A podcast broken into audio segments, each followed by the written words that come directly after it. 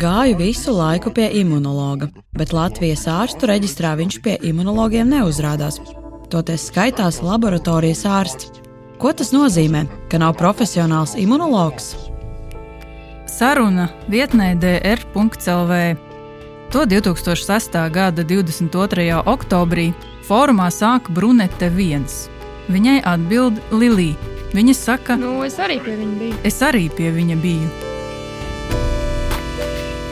Starp citu, mana ginekoloģija no Gaidezera bija šokā, ka imunologs man izraksta zāles hormoniem un ņem pārbaudas arī uz ginekoloģiskām lietām.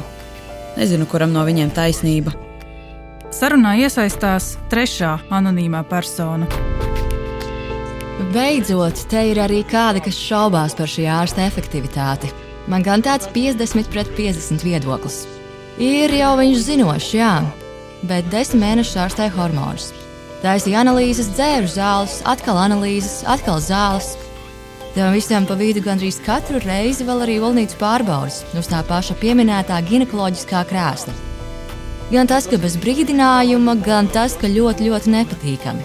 Bija sajūta, ka viņš kā vīrietis absolūti nepārzina sievietes dzimuma orgānu anatomiju. Nu, kur var un kur nevar sāpēt, un tā tālāk. Nu tā, nezinu. Izskatīju sirdi. Slikts jau viņš nav, tik nezinu, cik labs ir.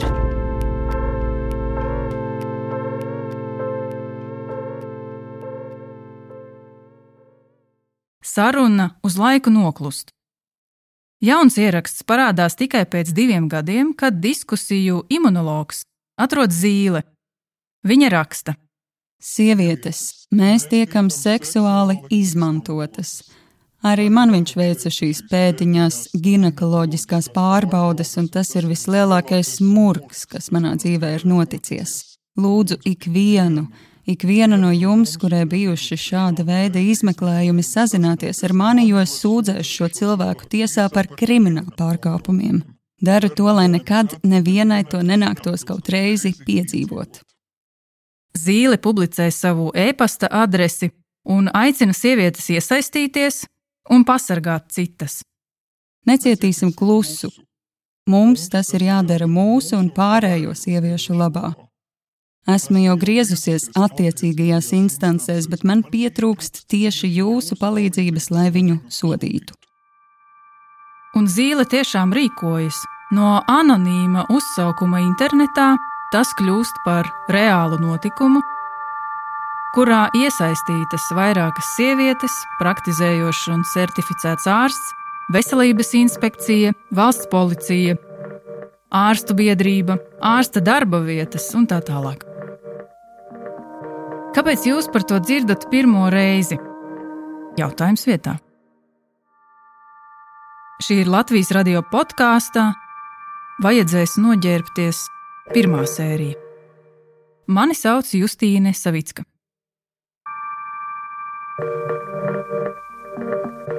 Ar tām vairākām vizītēm viņš viesa pilnīgi normālu uzticību, pilnīgi normāls ārsts. Tur viena vizīte pēc otras, izmeklējumi, kuriem seko nākamā vizīte, atkal izmeklējumi, atkal vizīte. Ja? Nu, ir kā pilnīgi viss normāli.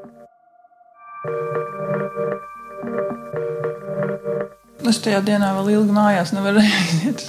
Mazājos apkārt, es nesapratu. Tas ir psihi vienkārši. Tā ir zīle.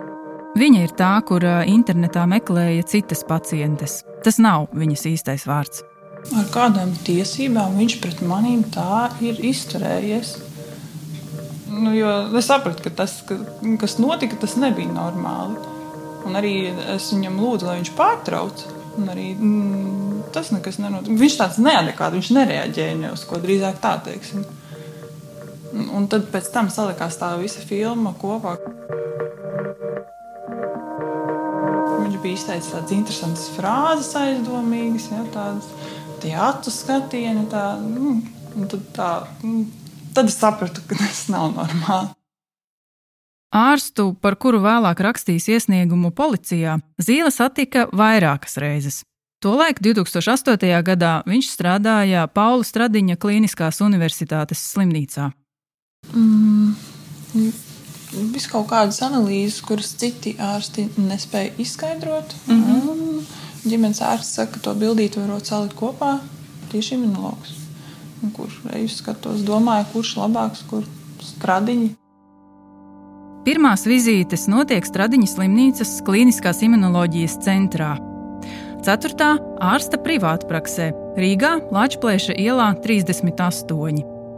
Tur tolaik atradās medicīnas iestāde, ko sauc Pulss 5.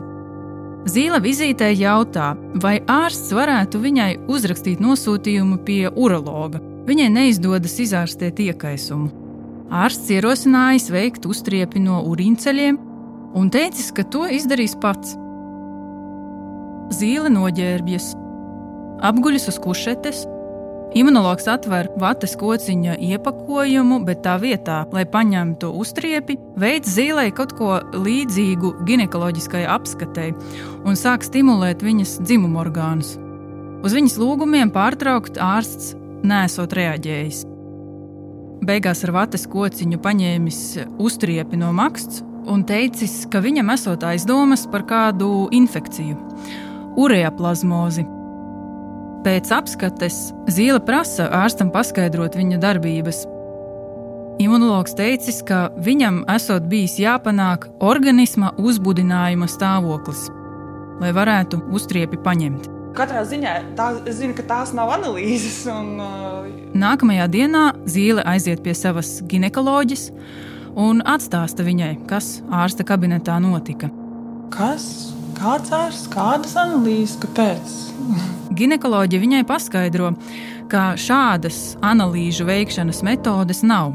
Vienīgās analīzes, kurām vajadzīgs pacienta uzbudinājums, ir spermas paraugs, un arī to neiegūst pats ārsts. Viņa, nē, viņa teica, ka tas nav normāli, kāpēc tā vajag darīt. Tas ir jāņem konkrēti speciālistam, kurš arī to, viņš pēc tam var izvērtēt kaut kādus analīžu datus, bet viņam šādas analīzes nebūtu jāņem. Cik mums bija gadu? 24. Zīli intervē Sanita Jemberga no Baltijas pētnieciskās žurnālistikas centra Rebaltika. Un, jūs atšķiraties laikam no pārējām ar to, ka, ka jūs laikam uzreiz nolēmāt cīnīties, vai ne? Jā, es meklēju reiz, kas ko kā. Un ko jūs darījāt? Es uh, internetā meklēju atsauksmes par viņu, vai nav kaut kas jau iepriekš līdzīgs bijis, vai vispār kāda, kāds cits saistīts gadījums. Nu, Tad arī sāku peldēt visi pārējie ārā.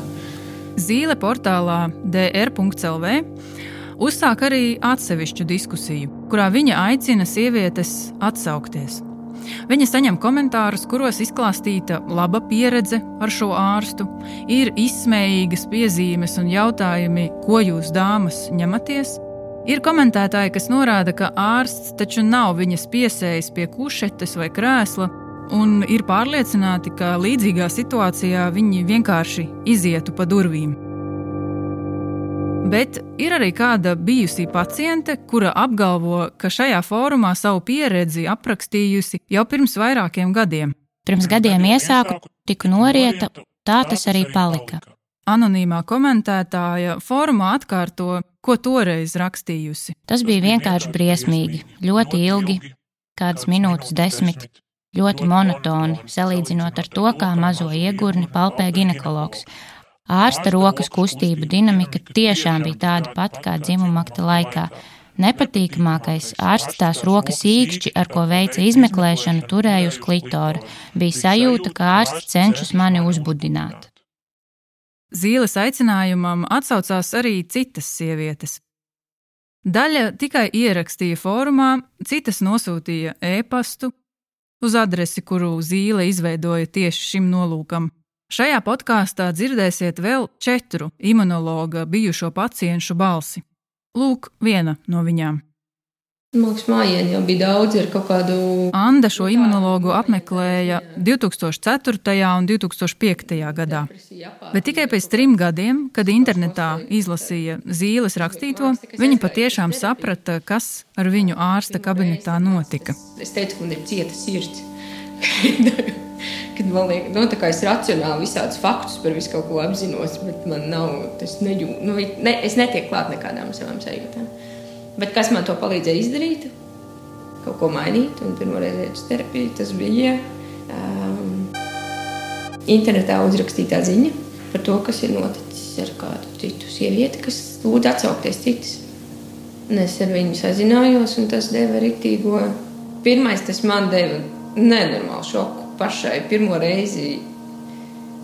Face to face reāli aptvert, kas ar mani ir noticis. Nu, kad es esmu piedzīvojis seksuālu vardarbību. Un, nu, tāds rīktīgais šoks, kā, man liekas, tos normālos arī tādus psiholoģiskos simptomus, ko varētu uzreiz pēc traumas piedzīvot. Es viņus piedzīvoju līdz ar to, ar, cik tur senāk. Kaut kāda trīs ar pus gadu nobīde, man liekas, kaut kas tāds nenormāli atbrīvojošs. Es jūtu, ka es neesmu vienīgā.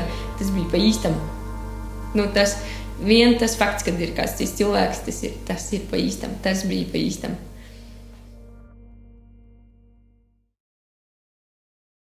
Pateicoties Zīles rakstītajai ziņai, atsaucās arī Agnese. Vardarbības brīdī Agnesei bija 26 gadi. Ārstu toreiz viņai ieteica kāda radiniece, esot ļoti labs imunologs. Man bija ielas problēmas pēc dzemdībām zaudēt svaru. Viņa ieteica, ka var iet pie tā ārsta, tur noskaidrot, varbūt tur ir hormonāls kaut kāds cēlonis. Un tad es pie viņa aizgāju. Viņš tur nosūtīja arī uz analīzēm un teica, ka jāveic arī ginekoloģiskā apskate. Viņš kā nu, palpēja iekšējos orgānus, un tas īkšķis viņam atradās apmēram klitora rajonā. Un, nu, tā, nu, grūti pateikt, cik minūtes bija tā procedūra.